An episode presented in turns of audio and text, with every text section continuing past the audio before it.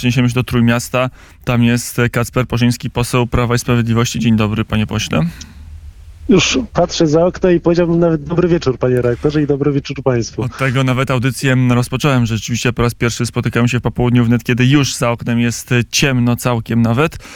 Panie pośle, w, w tym tygodniu oczywiście święto odzyskania niepodległości. To będzie i historycznie, ale też i politycznie moment najważniejszy, ale za nami także bardzo ważne uroczystości, szczególnie dla, dla Trójmiasta, dla Gdańska, ale też dla całej Polski.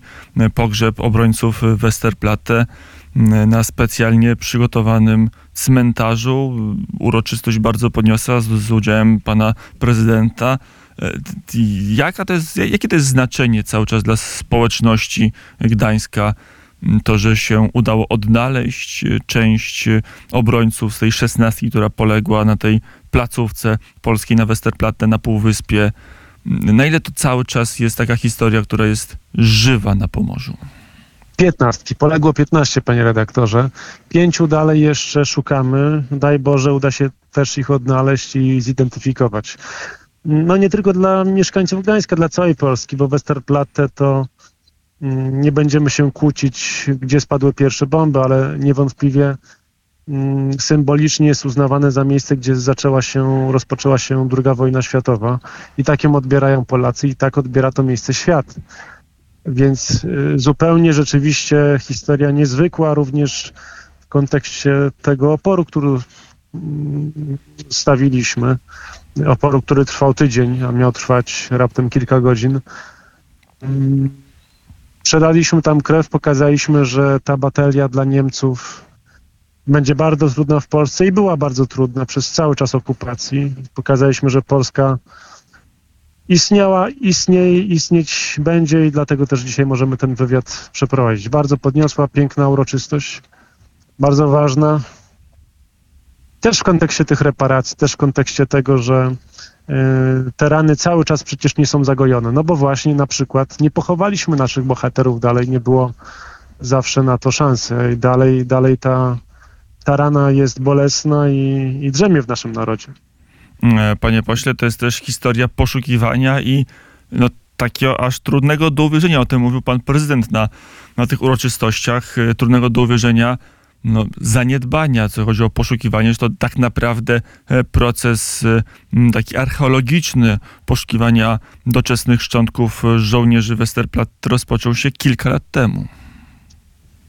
Na poważnie. To prawda, chociaż dla mnie bardziej niesamowite niż sam fakt, że w końcu ktoś podjął decyzję, a tym ktośem był minister Selin, premier Gliński i dyrekcja Muzeum II Wojny Światowej, podjął decyzję o przeprowadzeniu w końcu porządnych prac archeologicznych na tym terenie. Przecież my nie spodziewaliśmy się wtedy, że kiedy decyzja o tym zapadła, że my odnajdziemy ciała poległych y, polskich żołnierzy.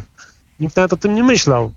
Y, więc y, to było naprawdę zupełnie niespodziewane i niezwykłe odkrycie, bardzo ważne odkrycie. Natomiast to, co e, jest jednak bardziej poruszające i jednak wymaga też, żebyśmy o tym pamiętali. To było w tym całym, e,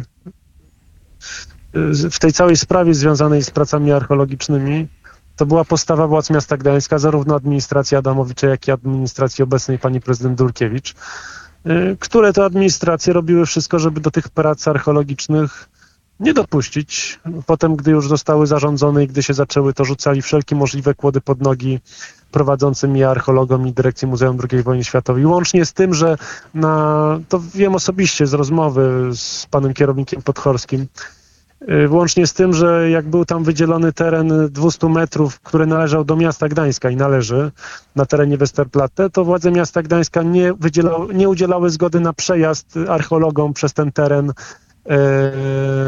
no, po prostu nie pozwalały na przejazd archeologów przez ten teren, w związku z czym skutkowało, skutkowało to tym, że musieli bardzo ciężki sprzęt nosić przez te 200 metrów codziennie z mozołem e, na plecach. No, no, A jakie było tłumaczenie mówić, no? pani Dulkiewicz i, i wcześniej pana Adamowicza, żeby tak e, no do końca w zasadzie tak już w sposób maniakalny starać się zatrzymać te prace poszukiwawcze. Nie ma żadnego tłumaczenia. To jest zwykła, myślę, że złośliwość, no niestety małość ludzka, w obliczu sprawy, która przecież nie ma etykiety żadnej politycznej, ani PiSu, ani Platformy, ani y, żadnej innej. No to jest coś, co jest po prostu oczywistością dla chyba każdego zdrowo myślącego Polaka, że miejsce takie jak Westerplatte musi być zadbane, musi być dokładnie przebadane, y, przede wszystkim archeologicznie, tak żebyśmy y, no właśnie, mieli pewność, że niczego nie tracimy, niczego nie tracimy z tej naszej unikatowej, bardzo trudnej, ale unikatowej i pięknej historii, pięknej w swoim dramacie. No bo akt tego oporu na Westerplatte, no naprawdę zalicza się do annałów e, takich jak e, 300 Spartan, czy, czy, czy innych tego typu tragicznych sytuacji, gdzie garstka żołnierzy była w stanie stawić czoła przepotężnej, innej wielkiej ilości wroga.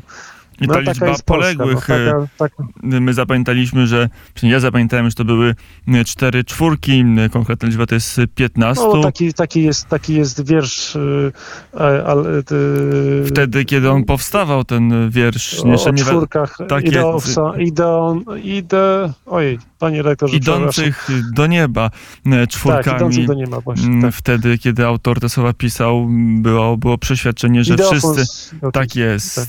że wszyscy obrońcy zginęli, a zginęła z- ponad 200 osobowej załogi, 250 osobowej załogi ta piętnastka mm, żołnierzy. To też pokazuje, jak to dobre były mm, umocnienia i jak to dobrze była zbudowana e, polska placówka mm, wojskowa wysunięta nad, nad Bałtykiem.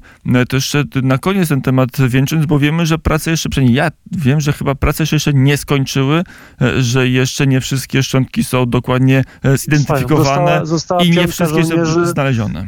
Nie wiemy, czy ich odnajdziemy, czy nie, no bo nie wiemy, gdzie leżą. Czy leżą na Westerplatte, czy, czy Niemcy zrobili z nimi coś innego. No, ale to pokaże no, zakończenie pracy archeologicznej.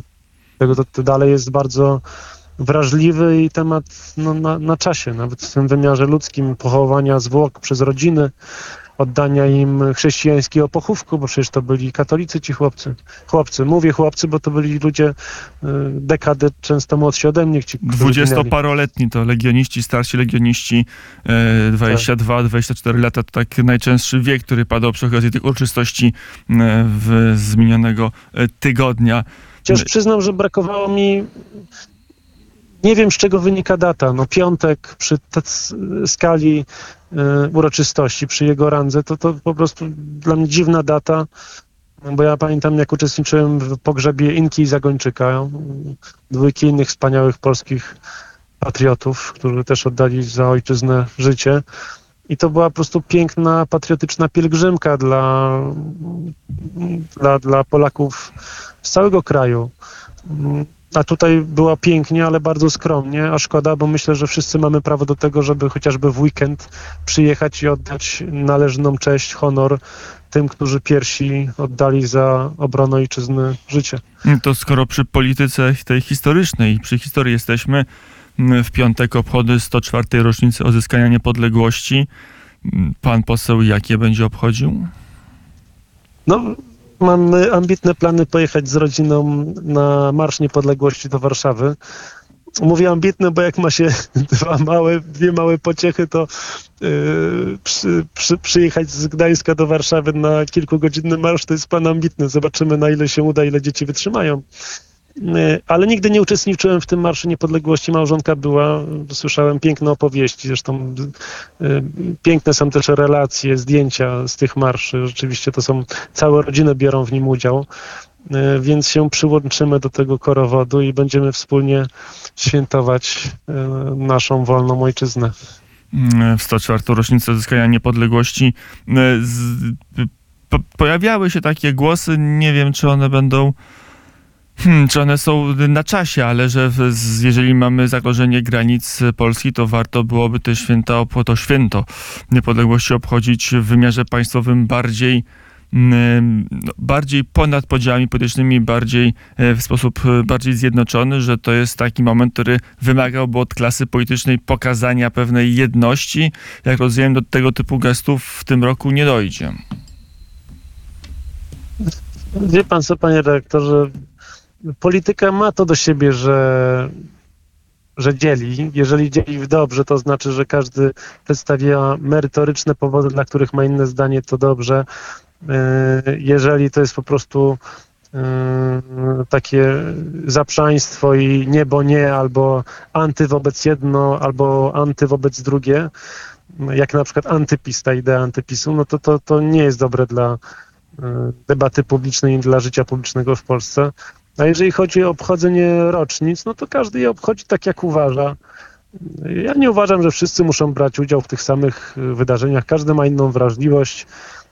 Y, Niektórzy nie lubią marszów. No, moim zdaniem w, takim dniu dla mnie to jest sama przyjemność świętować z innymi Polakami i czuć rzeczywiście taką siłę z y, wielkości naszego narodu, z, tego, że międzypokoleniowo to przeżywamy, że mamy swoją stolicę, do której możemy zjechać zniszczoną niegdyś stolicę odbudowaną y, trudem y, pracy naszych dziadków, pradziadków.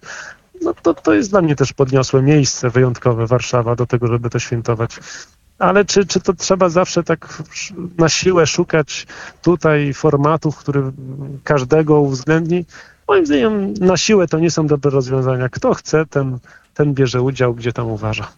Powiedział poseł Ważne, ważne, ważne, żeby w tym rzeczywiście ważnym, niezwykle ważnym dniu pamiętać, co jest polską racją stanu, a tą polską racją stanu jest rzeczywiście poszukiwanie często kompromisu, zgody, ale no właśnie, mając z tyłu głowy rację, polską rację stanu, a nie na przykład rację stanu niemiecką, rosyjską, francuską czy jakąkolwiek inną, bo mimo, że jesteśmy członkiem tej europejskiej, światowej e, rodziny wolnych państw czy, czy wolnego zachodu, to mamy swoje interesy, tak jak każdy w Unii Europejskiej, a my, polscy politycy, jesteśmy odpowiedzialni za to, żeby, żeby reprezentować polskie interesy. Powiedział Kasper Poziński, poseł Prawa i Sprawiedliwości. Dziękuję bardzo za rozmowę. Dziękuję, wszystkiego dobrego.